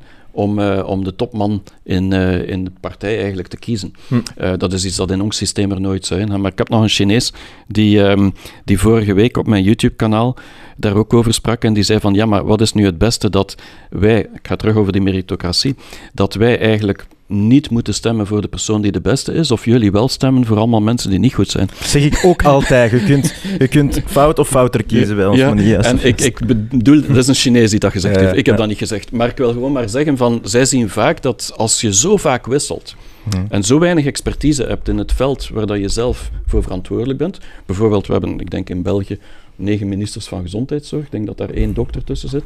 Dat zou in China niet mogelijk zijn. Ja. En, en dus daarom is het niet beter of slechter, maar vanuit Chinees standpunt is dat van, ja, als je die expertise niet bezit, en dan mag je nog zoveel mensen hebben die op je stemmen, Mhm. Waar, waar gaat dat naartoe? Ja, en dan komen we weer terug met die populariteitswedstrijd. ook, hè. Maar dat is Ja. natuurlijk opnieuw zwart-wit zetten. Hè? En, en ik Ja, denk ja. dat we ook de context van het Westen ja, daarnaast Maar moeten het zetten. Ja, natuurlijk. Onze eh, context, we hebben alleen maar negatieve ervaringen met dictatuur Ja, natuurlijk. ja. En daarom linken Dat wij is dat het ook, ja. direct daaraan. Hè. Het grote Ja. probleem dat wij hebben als het gaat over dictaturen in ons verleden, en we moeten zover nog niet kijken naar Poetin om te zien wat dat er allemaal gebeurt, Mhm. dat wij heel sterk eh, dictaturen ver- eh, connecteren aan expansionisme, dus uitbreiding. Ja. Ehm, en, en Chinezen, eh, eigenlijk bij de keizers, die hebben in hun geschiedenis nooit echt naar expansie gezorgd. En nu ook niet. Als je kijkt, ze hebben wel een aantal, eh, ze hebben zeer veel connecties die ze gesteld hebben, vooral economische eh, afspraken met bepaalde landen. Maar eh, uiteindelijk het zich moeien met andere besturen, dat doen ze bijna niet. Nou, ik denk dat China Ja. meer inderdaad vandaag de dag zeker een, Ja. een nationalistisch land is en niet Ja. zozeer imperialistisch. Ja, veel, veel meer nationalistisch. En dat heeft te maken met het feit dat wij schrik hebben van die expansie. En zeker als alle macht bij één persoon zit en dan expandeert, terwijl China eigenlijk veel meer schrik heeft van die interne chaos. En daardoor eigenlijk, wij kijken naar China als een schrik van een dictatuur, omdat die zou kunnen expansie doen. Terwijl Chinezen kijken naar ons als een gefaalde democratie, omdat wij eigenlijk aan het imploderen zijn, omdat er polariteit is, omdat er eigenlijk eh, het systeem Mhm. niet meer werkt. En dus we denken allebei van elkaar dat het gaat fout lopen. Ja. Omdat we vanuit onze eigen bril kijken naar wat ons eigen verleden Ja. ons verteld heeft. Ja. En dat is zeer boeiend op zich. Maar ik denk wel dat, ehm, en dat, zo, dat valt me wel op, dat bijvoorbeeld een, een land zoals China, je hebt er nog wel een aantal, dat die vaak toch iets meer bezig zijn met, voilà, eh, om het nu heel specifiek te trekken naar dat nationalisme, dit zijn onze landsgrenzen en eh, daarbuiten in zekere mate doe wat je niet laten kunt, achtig, maar laat ons ook doen wa- waar wij naartoe willen. En dat betekent natuurlijk niet dat er geen kruisbestuiving mag zijn en elkaar een beetje accountable houden, et cetera, et cetera. Maar ik denk inderdaad, dan sluit ik me ook aan terug bij, bij waarover je dat naar dat willen uitbreiden. Het is voornamelijk, denk ik, gefocust op ons eigen van wat, wat moeten wij hier met onze interne keuken doen? Wat is onze cultuur? Laat ons de wereld filteren door onze cultuur. Ja. Moet natuurlijk altijd, en dat is zo de moeilijkheid van waar moet je toch als wereld over een aantal dingen overeenkomen en waar moet je mensen laten doen. Maar ik denk als je niet de extreme probeert op te zoeken, is dat wel een goed model. Want je moet wel toegeven, als er veel fysieke afstand tussen mensen is, bijvoorbeeld China, Westen, om echt heel geopolitiek te denken, dan hebben nu ook eenmaal verschillen in hoe dat je naar de wereld kijkt. En dan moet je niet proberen soortgelijke modellen en exact dezelfde manier dat te gaan installeren, want dat, dat werkt niet. Nee. Maar het is ook natuurlijk als je de tweede grootste economische macht ter wereld bent, zoals China, en binnenkort, de grootste, 100%. eh, dit, de- voor 2030 normaal, ja, dan heb je ook natuurlijk een, een, een globale verantwoordelijkheid die eh, Chinezen anders invullen dan wij. dat is waar. Dus zij vullen dat in als, ja, ieder, mag, ieder moet in harmonie leven en elk land moet gewoon zijn eigen dingen doen en we moeten gewoon allemaal overeenkomen. Mhm. Wij vullen dat in van, ja, als, als jij als grootste macht ter wereld in, met andere landen zaken doet, moet jij un, de universele waarden en Ja, normen zo een voorbeeldfunctie worden. overal een voorbeeldfunctie. Ja. Ja. En daar hebben de Chinezen wel een probleem mee, omdat ze zeggen dat is een, intern, een interne zaak, net zoals dat wij ook interne zaken hebben. En daar botst het vaak. Als Chinezen naar Afrika gaan en zeggen van ja, de, de mensenrechten daar is, dat heeft niks met China te maken. Wij gaan proberen zo goed mogelijk binnen ons, ons eigen territorium dat te verbeteren. Maar als dat ergens in Afrika anders loopt en, en er zijn een paar fabrieken die daar misbruik van maken, dat is niet ons probleem. Ja, Dat is hun verantwoordelijkheid. Dat is niet Ja. onze verantwoordelijkheid. Ja. Dat is iets dat natuurlijk voor ons in het Westen onaanvaardbaar is en, en het ook zou moeten zijn in een bepaald opzicht. En daar zit China een stukje tussen die twee grenzen. Eh, moeten ze inmenging hebben Mhm. of niet? En zij willen absoluut geen inmenging, omdat ze schrik hebben de dag dat ze zich mengen met andere besturen. Dan, gaan wij overgezaaid, gelijk krijgen met onze Ja. schrik voor die expansie. Dat, ja, maar dat krijgen zij terug op hun Ja, ja, dat is een two-way En dan street dan. gaan, gaan, gaan, gaan wij nog meer inmenging in Ah. China willen. Ja. En dus dat is exact het probleem. Ja. En dus ze doen dat niet, met Ja. als gevolg dat er een aantal andere landen daar gebruik of misbruik van maken van het feit dat ze dat niet doen, Ja. terwijl dat ze dat met het Westen niet kunnen doen. vaak. Ja, ja. En, en dat is wel een interessante ja, spanning. En, en, en de vraag is, ja, welk systeem werkt daar het best? En als je het vraagt aan de lokale mensen in, in, in Afrika en veel van die is een combinatie van die twee systemen. Maar Ja, het midden is het antwoord. Ja, daar, daarvoor zijn we op de juiste podcast om die eh, stelling te maken. Ja, sowieso. Misschien ehm, eh, een, een ander soort vraag, maar op hetzelfde thema. Ik, en ik denk jij ook, en misschien jij ook, zijn heel hard fan van ehm, het idee. En het is vandaag een utopie, en het is vandaag zeker niet de praktijk, maar laten we hopen dat we altijd blijven vooruitgaan. Dat er op een bepaald moment een soort van universele normen en waarden zijn. En ik heb het dan niet over mensenrechten, ook al zegt dat ook iets, maar dat is weer een juridisch kader. Ja. Maar dat we allemaal, eh, voilà, dat bijvoorbeeld dat China versus Westen spel, eh, dat zal altijd wel blijven, want dat is een soort van competitieve strijd. En ik bedoel, you do you. Maar ik bedoel dat er altijd een soort van meer vorm van respect is en goesting tot dialoog en niet elkaar willen zo polariseren, et cetera. Ja. Heb jij het gevoel dat we ooit tot zo een soort van kern van basisnormen en waarden gaan komen? Of misschien zijn we er al? En wat zijn die? ja en nee. Ehm. Laat ons zo zeggen dat... Misschien eerst zetten daar fan Ja. van. Van, van ja, ik, ik, ik, ik, ik denk dat de waarden, de meeste waarden universeel zijn. Zowel voor ons als voor China. En dat die niet veel verschillen. Ja, maar de invulling ervan verschilt te Maar hard de om hetzelfde te invulling bedoelen. verschilt. Ah, ja, ja, voilà, maar de invulling van die waarden verschilt niet zozeer dat zij er helemaal anders aan denken, van denken dan wij, maar dat ze vanuit een ander standpunt vertrekken. Wij zien, de meeste van ons waarden eh, gaat hem over het individu. En dus wij gaan vaak eh, binnen die waarden proberen het individu te beschermen voor eigenlijk wandaden en dingen die rond dat individu gebeuren. De Chinezen zien hun waarden, exact dezelfde waarden. Er zijn er heel veel van die waarden die wij hebben. Mhm. Eh, bijvoorbeeld eerlijkheid en oprechtheid. En, en, en, Ja, dat en, mens- bij de mensenrechten is dat je niemand discrimineert enzovoort. Dus al die waarden zien Chinezen ook, maar zij zien dat vanuit het collectief. En zij zien dus eigenlijk hun waarde, en dat is een stukje de Confucianistische cultuur, vanuit een soort eh, zelfbewustzijn dat de mens moet creëren naar de maatschappij toe. Wij zien dat, alsof een, wij zien dat als, een, als hoe de maatschappij naar het individu moet kijken.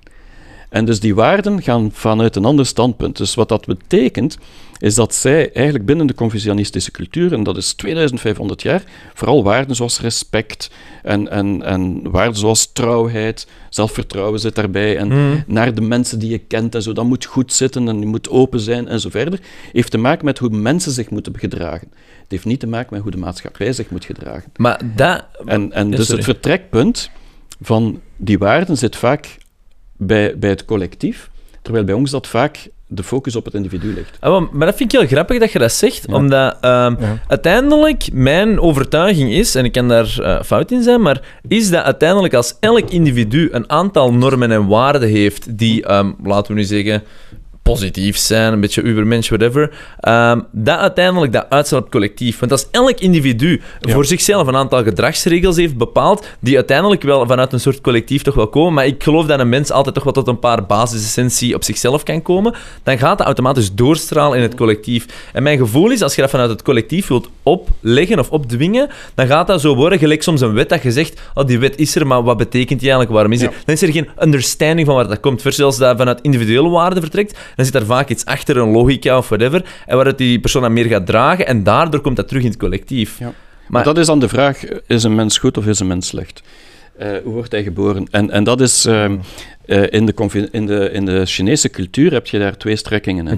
Je hebt dus de strekking van het Confucianisme, die 100% erachter staat dat de mens goed geboren is. Ja. En dus die waarden binnen de familie, broer, zuster, respect, al die dingen, heel sterk aanscherpt. En dus dat je echt weet als individu, hoe moet ik mij gedragen binnen die relaties. Daartegenover, de legalisten, dat waren de, de, een andere strekking, eh, die zei van nee, mensen worden slecht geboren en je moet regels en, en reglementeringen hebben en straffen uitvoeren en zo verder.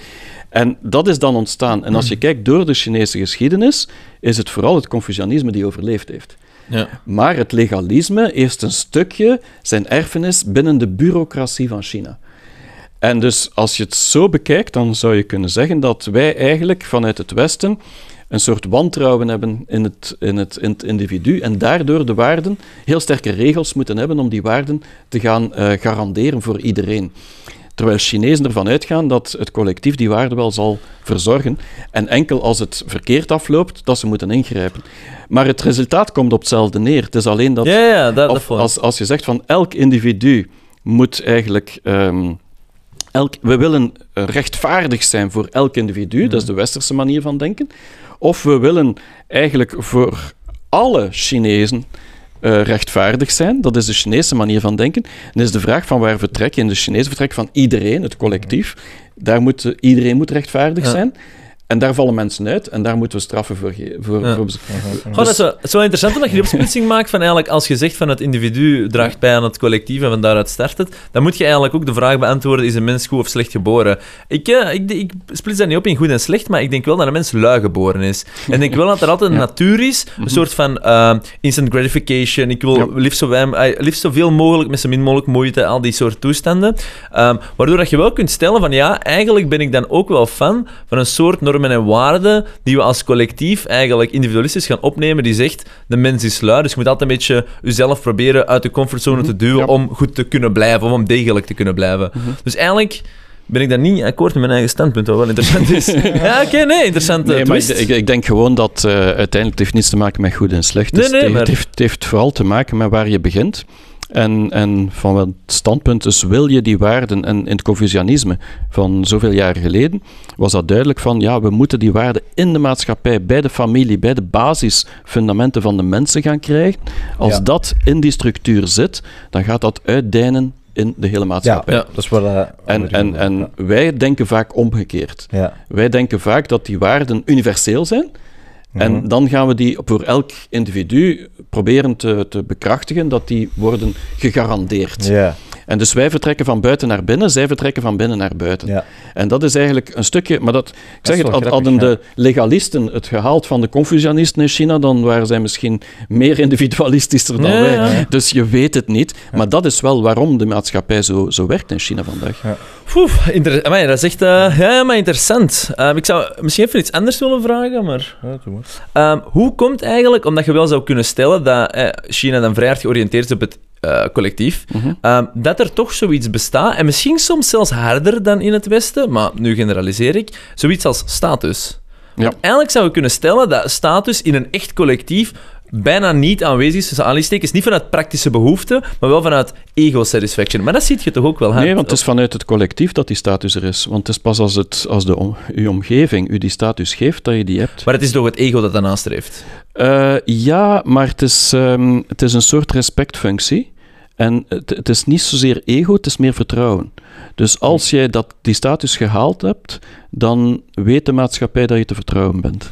En dus het is niet alleen het ego, het, eh, maar het ego het zit er natuurlijk ook Ja, in. En ik zeg ook van, van ja, de Chinezen zijn even individualistisch als wij. En, en wij zijn even collectivistisch als, als, als de Chinezen.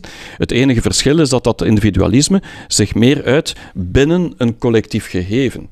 En dat wil zeggen dat ze meer rekening houden met de sociale context dan wij. Hm. Terwijl wij veel meer vanuit ons eigen ego, omdat dat een soort, dat zit erin dat wij echt eh, willen bewijzen, en dat heeft met creativiteit te maken en unici- uniciteit, en we Ja. willen bewijzen van, wij staan hier als individu.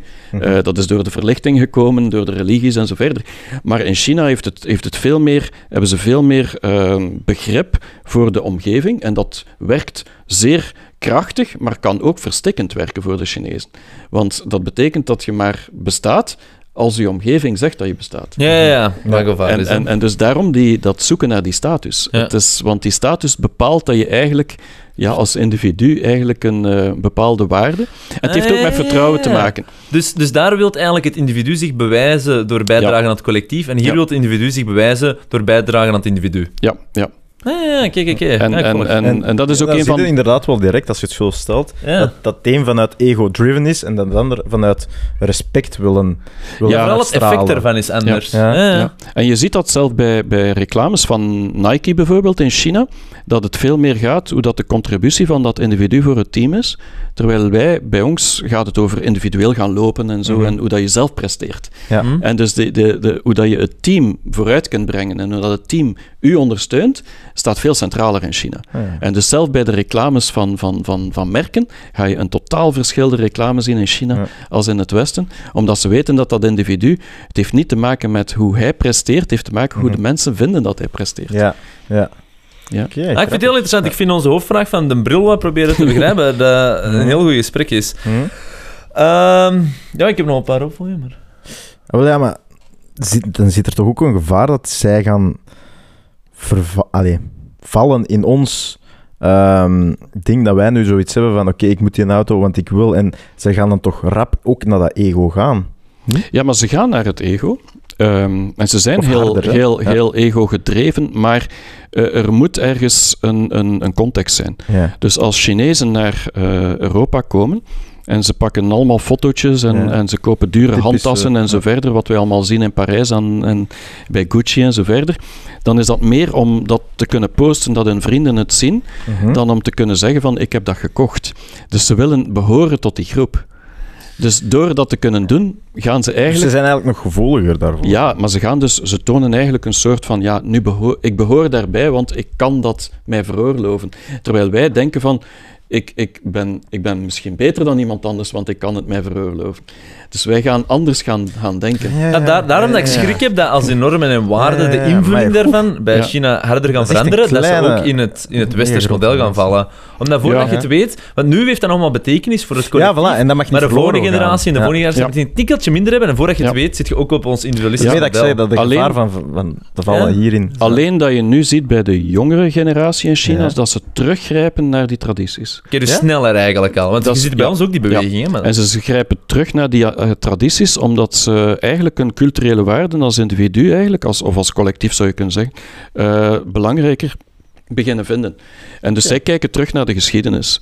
Ehm, en ja, dat, dat heeft te maken, terwijl dat ze heel westers zijn in hun houding, Mhm. heeft dat vooral te maken met het feit dat ze fier zijn van Chinees te zijn. Ja. En dat zijn ze nooit geweest tot vijf jaar geleden.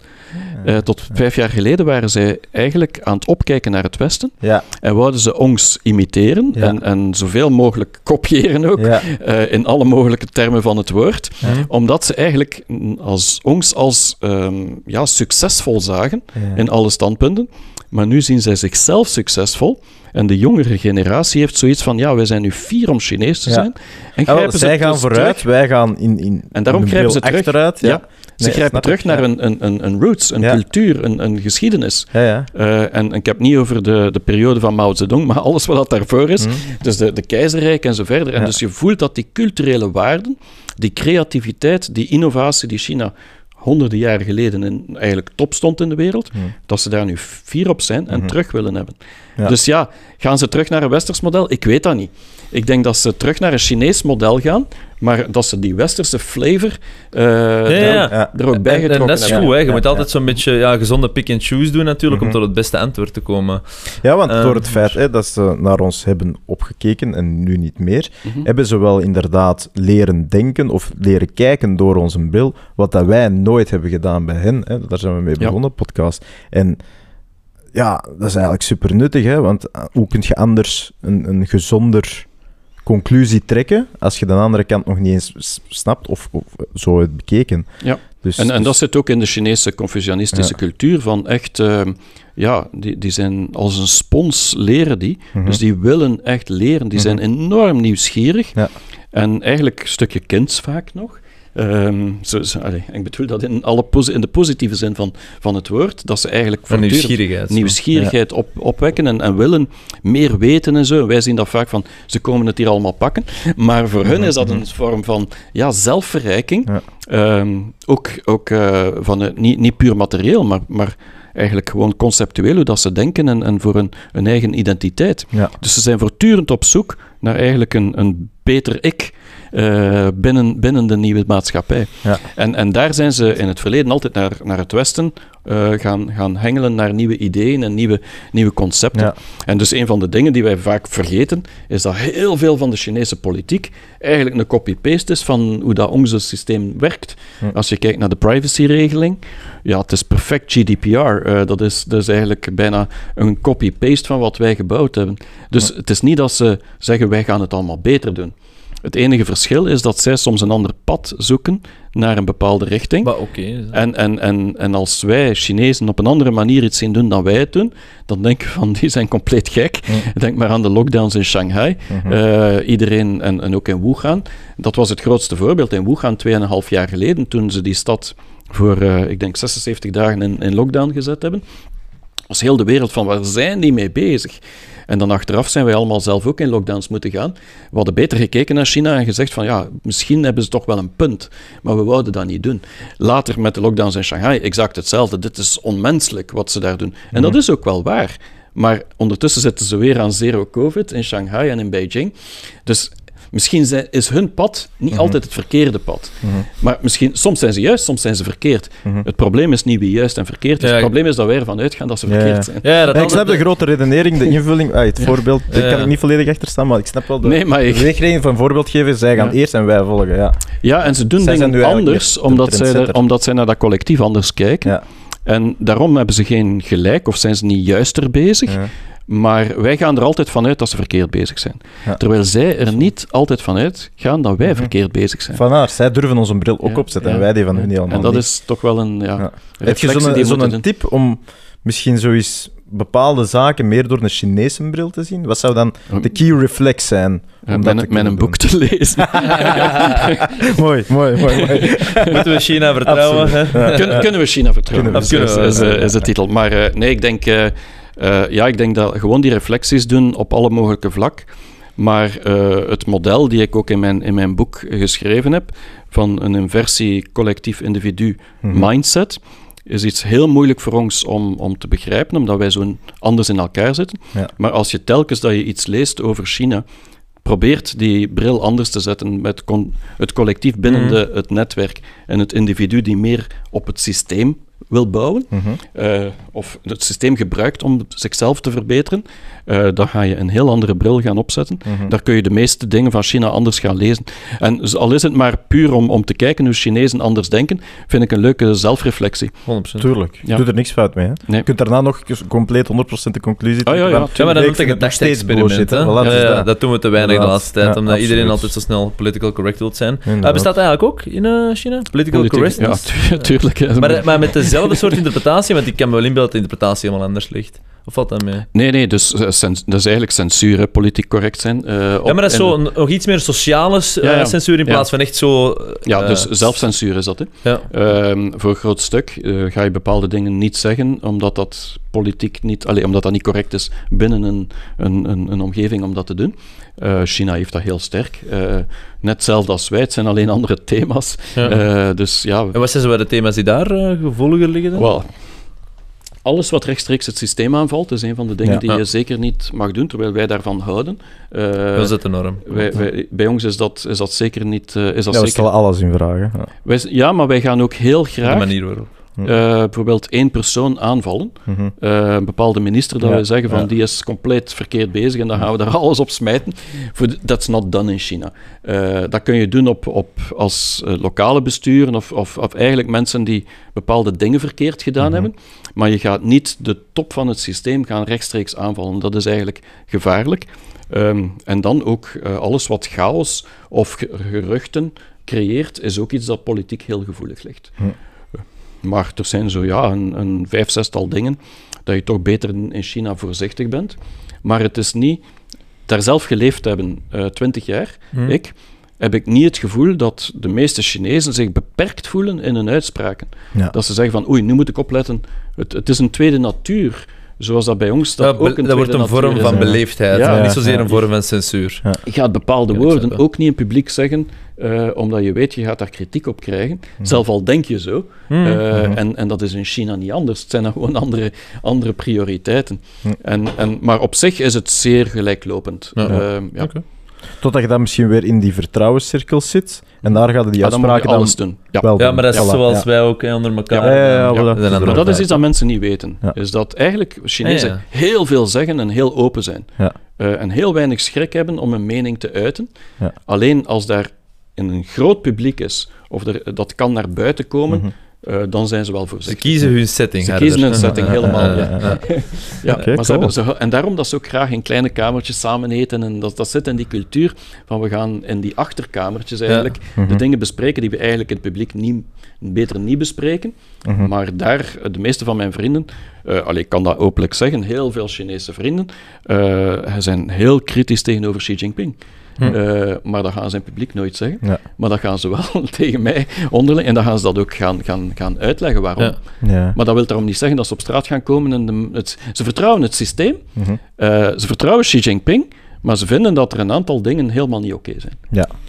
Ja, maar dat, dat heb ik wel eens een keertje... eh, Maar hoe meer dat ze dan eigenlijk hè, via die, die, die netwerkgesprekken dan Ja. dat naar boven komt, zullen ze dat ook wel in hun eigen andere cirkels Ja. merken, waardoor dat je dan uiteindelijk één grote cirkel begint te krijgen misschien, waardoor dat het op Ja. die moment misschien wel naar boven Ja. komt en dan wel bespreekbaar wordt. En dat is dan... Dus dat is eigenlijk veel meer voorzichtige voorbereiding Klopt, als er iets... Maar, maar natuurlijk, de, de vraag is, kun je die cirkel groot genoeg maken? Want zolang dat de, de meeste Chinezen het gevoel hebben dat het systeem hen vooruit helpt, ga, je- ga je Mhm. niet veel Mhm. aanhangers krijgen. En, en dus ja, de, de, waar China het meeste schrik van heeft, zijn de grote religie, religies. En dan heb ik het vooral niet over het, het, eh, het- de mo- moslims, maar vooral over de christenen. Eh, dat is eigenlijk de grootste cirkel van China na de communistische partij. Ja. Dus de protestanten eigenlijk. Ja. Eh, dat is de grootste religieuze groep eh, in China. En, dat wordt als een bedreiging ervaren. en dat, ah, wel, een bedreiging, dat is een heel grote groep. Zolang dat die zich houden aan de afspraken, hebben ze daar geen probleem mee met die groep. De dag dat die beginnen eh, ja, zich te uiten van dit is anders, eh, dan komen die op de radar van de Chinese partij. En dat is met de Falun Gong in der tijd gebeurd. eh, een, een religie die heel anti-overheid was. Die nogthans een Chinese cultuur achter zich had. Hm? Ehm, en daar zijn ze heel hard op ingetreden. Dus eh, van zodra dat Dat gaan we ook zien dan. Ja. Dat is een kwestie van tijd. Nee, maar ik denk, nee, maar ik denk het niet, want ik denk dat de meesten eigenlijk daar geen nood toe hebben, tot wanneer dat China niet meer vooruit kan. Eh, maar op dit moment, Mhm. ehm, de meesten hebben daar geen nood, nood aan, omdat ze eigenlijk, dus ze leven meer in harmonie dan in, in, in, eh, in disruptie met elkaar. En dat is iets dat heel moeilijk te begrijpen is voor ons, omdat wij China als een autoritaire dictatuur zien, dan denken wij dat iedereen onderdrukt wordt. Ja, ja. Maar de Chinezen voelen zich veelal niet onderdrukt. Natuurlijk, er is een percentage van de Chinezen die dat wel niet toe behoort en die, dat, Ja. die zijn kansen niet, die eigenlijk achter die dam van die vooruitgang is blijven steken. Ja. En, en, en die is, dat, dat is natuurlijk het probleem. En, en China's antwoord daarop is: geef dat tijd en we halen die er ook uit. Eh, maar wij geloven dat niet. Ja. Wel, dat, is een beetje de vraag. Maar Eigenlijk, mooi China krijgt vandaag... zeggen, geef dat tijd. Daar Ja, geef dat tijd. Maar, maar Want we geloven zo hard in ons systeem. Ja, wij geloven zo hard in het systeem dat, dat eh, zelf over heel hete hangijzers zoals de Oeigoeren, Mhm.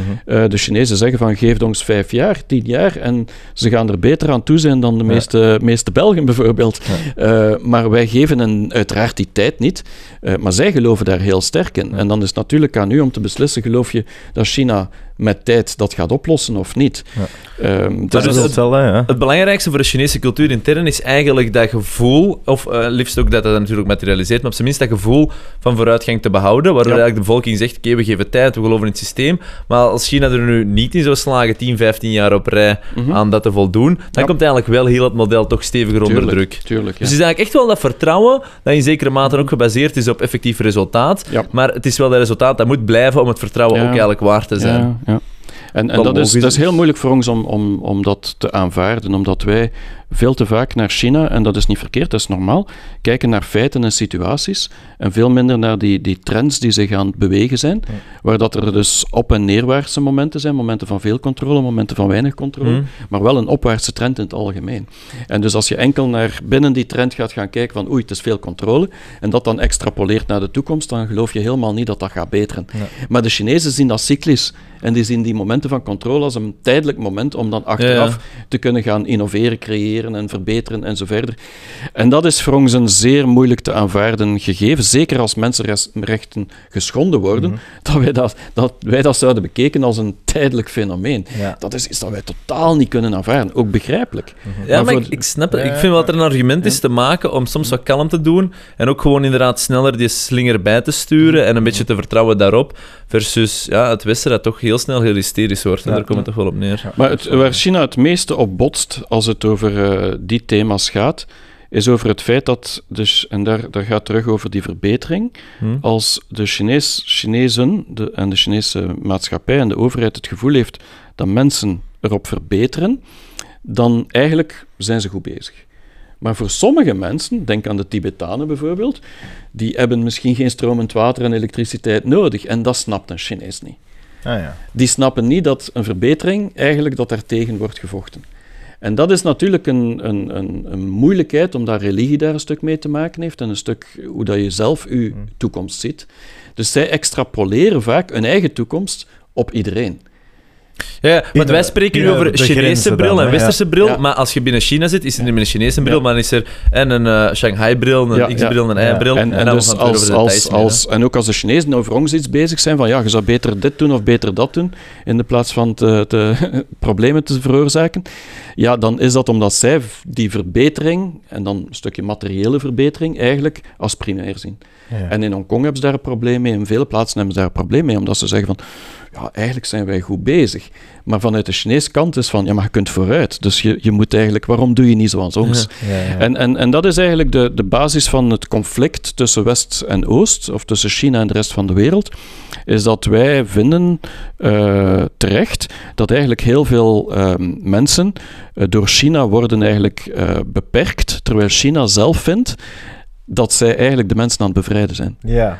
Ja, ja. En, en dat is een zeer, zeer complexe situatie, want je krijgt dat verhaal niet verkocht in het Westen, maar ook niet in China. Mhm, mhm. Ja. Dat staat toch een beetje haaks dan, ah, of, of dan is die schrik van dat Ja. expa- ex- Exponentieel. expansie, Ja. expansie er wel terecht ergens. Hè? Want als je het dan zo, zo kadert, hè, van Expansie. Chinezen, ondanks dat ze het zien van ja, ja, ja. het willen opleggen, dat, dat gegeven. Maar ze leggen het niet op, Nee. maar ze begrijpen niet dat iemand daar niet zou willen van profiteren. Ja, ja, ja, dat is een Eh, belangrijke nuance. Dat is een belangrijke nuance. En, en, en dat heb je ook in, in Afrika bijvoorbeeld. Dat zij, ze zien alleen maar voordelen voor die Afrikaanse landen. Mhm. Terwijl ja, er ook wel nadelen zijn aan de Chinezen die daar zijn. Maar eh, je kan het van twee kanten bekijken.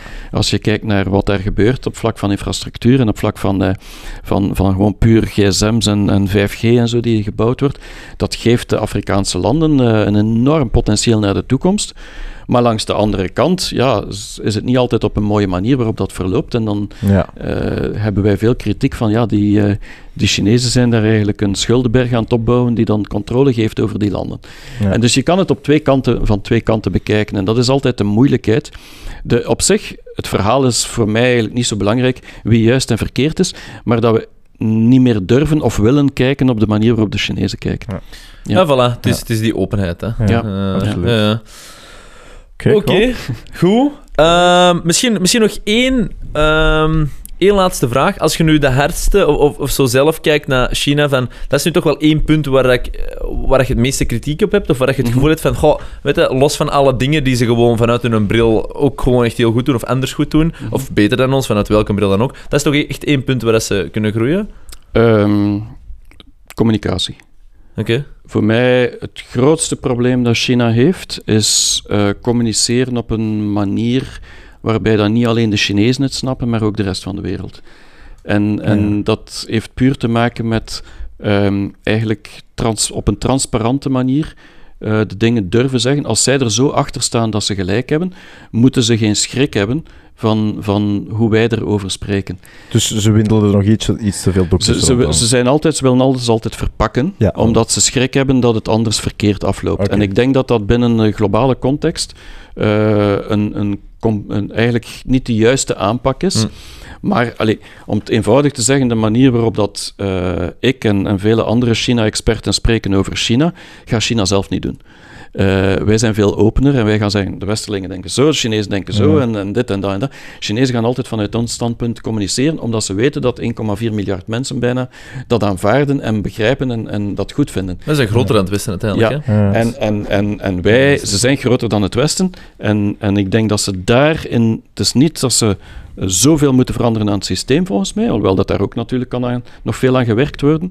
Eh, maar het is de communicatie van waarom dat ze iets doen. Ja, Oké. Ik denk dat dat voor mij eh, de grootste leerschool is. En ik heb heel veel Chinese vrienden die dat beamen. Dat China Ja. eigenlijk met een communicatieprobleem zit. Oké. Veel achterkamertjes gezeten. Ja, en, en eigenlijk een, een... Vergelijk het met een, een, een bankier of een verzekeraar die heel formeel is heel zijn leven geweest en met, een, met, ja, met, met das en, en kostuum naar het werk gaat, een bepaalde structuur heeft en zo verder. Mhm, mhm. Dat is waar China in zit. Ja, En, en, en wij zeggen zoiets, ja, maar de, de nieuwe fintech-wereld, dat zijn jonge gasten, dat is niet, Ja, meer, dat is niet meer die oude traditionele ja, bankiers. ja, ja. Eh, je moet anders gaan communiceren met de mensen, Mhm, anders gaan om. Maar die bankiers van, van, van vorige generaties hebben zo, ja, maar wie heeft hier het geld verdiend? En, en, en het is eigenlijk die, die, het is eigenlijk dat verschil. Eh, er is een generatieverschil aan het komen. Eh, en dus ik denk wel dat met jongere generatie politiekers in China, dat dat gaat verbeteren. Ah, ja. Maar, maar we zitten nu nog, en dat is het probleem, met een generatie van mensen zoals Xi Jinping, die eigenlijk allemaal gehard zijn door de, communi- door de culturele ja. revolutie. En die dus eigenlijk ja, dat nog niet aandurven. Als ik het zo durf Nee, ik zeggen. snap het. Ja. dus 20 tot 30 jaar en dan is er een generatie. Geef dan nog een switch en dan- generatie en dan Ja. denk ik dat de communicatie gaat Oké, verbeteren. en misschien even heel kort, gewoon puur uit interesse, omgedraaid. Ah, voilà. Wat Ja, wij- dit wat is nu dus eh, van met een westerse... China. Ah, dus ja, westerse- Je hebt nu van een westerse bril eh, het, het toppuntje Oh. gegeven van de Chinezen, hoe dat ze het moeten veranderen. Nu vanuit de Chinese bril naar Ja. het westen. Wat is dan de... Wat wij thing? kunnen veranderen. Ja, ehm, het, het allerbelangrijkste voor mij wat wij kunnen veranderen is China meer als een gelijke gaan zien. En dat, is, dat lijkt logisch, maar dat doen wij niet. Oké. Wij bekijken China nog altijd als een opkomende natie die nog veel te leren heeft en de Mhm. dingen verkeerd doet. Mhm, En dat is een stukje omdat zij van ons hebben willen leren, mhm. dat zij de houding van de leerling hebben aangenomen en wij de houding van de meester. Dus onze arrogantie. Ja, als je het in één woord kan zeggen, maar ik bedoel dat niet verkeerd. Nee, nee, nee. tuurlijk. Eh, het is een soort van... ja, ja, machtsrelatie gewoon. Een soort, ja, maar het is een soort, ja, gedurende 200 jaar of 150 jaar hebben wij eh, China mijlen voorbijgestoken door onze industriële revoluties. En China heeft zich altijd opgesteld als de leerling die van ons wou leren. Mhm. En nu stoppen zij daarmee, maar wij zijn nog niet gestopt met ons als meester Ja. te gedragen. Ja. En, en, en dat, is niet, dat is niet kwaad, maar ik denk dat hoe meer wij Chinezen de, de, het gesofisticeerde van, van het land, zowel cultureel als de mensen, als de trends waar ze naartoe willen gaan, hoe meer dat wij dat appreciëren, hoe gemakkelijker dat, Chine dat met Chinezen te onderhandelen en te communiceren zal zijn. Ja. Dus ik denk dat ja, wij van houding moeten veranderen en zij van communicatie. Hm. Oké, Oké, Mooi. fair. mooi einde. Goed. Alright, Pascal, Ja. bedankt om eh, tijd vrij te maken, om langs te Enorm komen. boeiend. En een uitleg Super. super boeiend. Ja, Eh, echt, ja, ik- ja, kijk. Vond het heel leuk. Ja, alright, ja, super. absoluut. Merci, veel succes nog, eh, ook met je boek. En je gaat Inderdaad. zelf ook een podcast, ook misschien nog een korte Ah, wel, ik, Ah, ja. ik zit, eh, wel, ik, ik zit eh, elke maand op de podcast van eh, Radar van Nextworks, Ja. eh, waar ik eh, dus maandelijks één, uit twee topics uit China belicht eh, die zeer actueel zijn. En ook eigen YouTube-kanaal. Mijn eigen YouTube-kanaal Ja. loopt eh, super. eh, ja, ik zit Ja, eh, oké, hard. Boven de 50.000 eh, volgers. En, eh, Ja. Dus wat ik daar doe, is eigenlijk eh, elke week een, een filmpje over China. Dus één topic eh, gaan belichten. Eh, en dat kan een politiek topic zijn, of een, een, een, een cultureel, of, of iets dat er gebeurd is in China, bijvoorbeeld de lockdowns, of eh, het kan alles En zijn. het verklaart vanuit En, bril. en dan ga ik het telkens Ja. gaan verklaren vanuit de Chinese kant. Ja. Ah, wel, en dat is super interessant. Dus ik ga het zeker Ja, ik ga Volg mij allemaal. Ik ga sowieso volgen. Alright, super Alright. goed. Pascal, merci.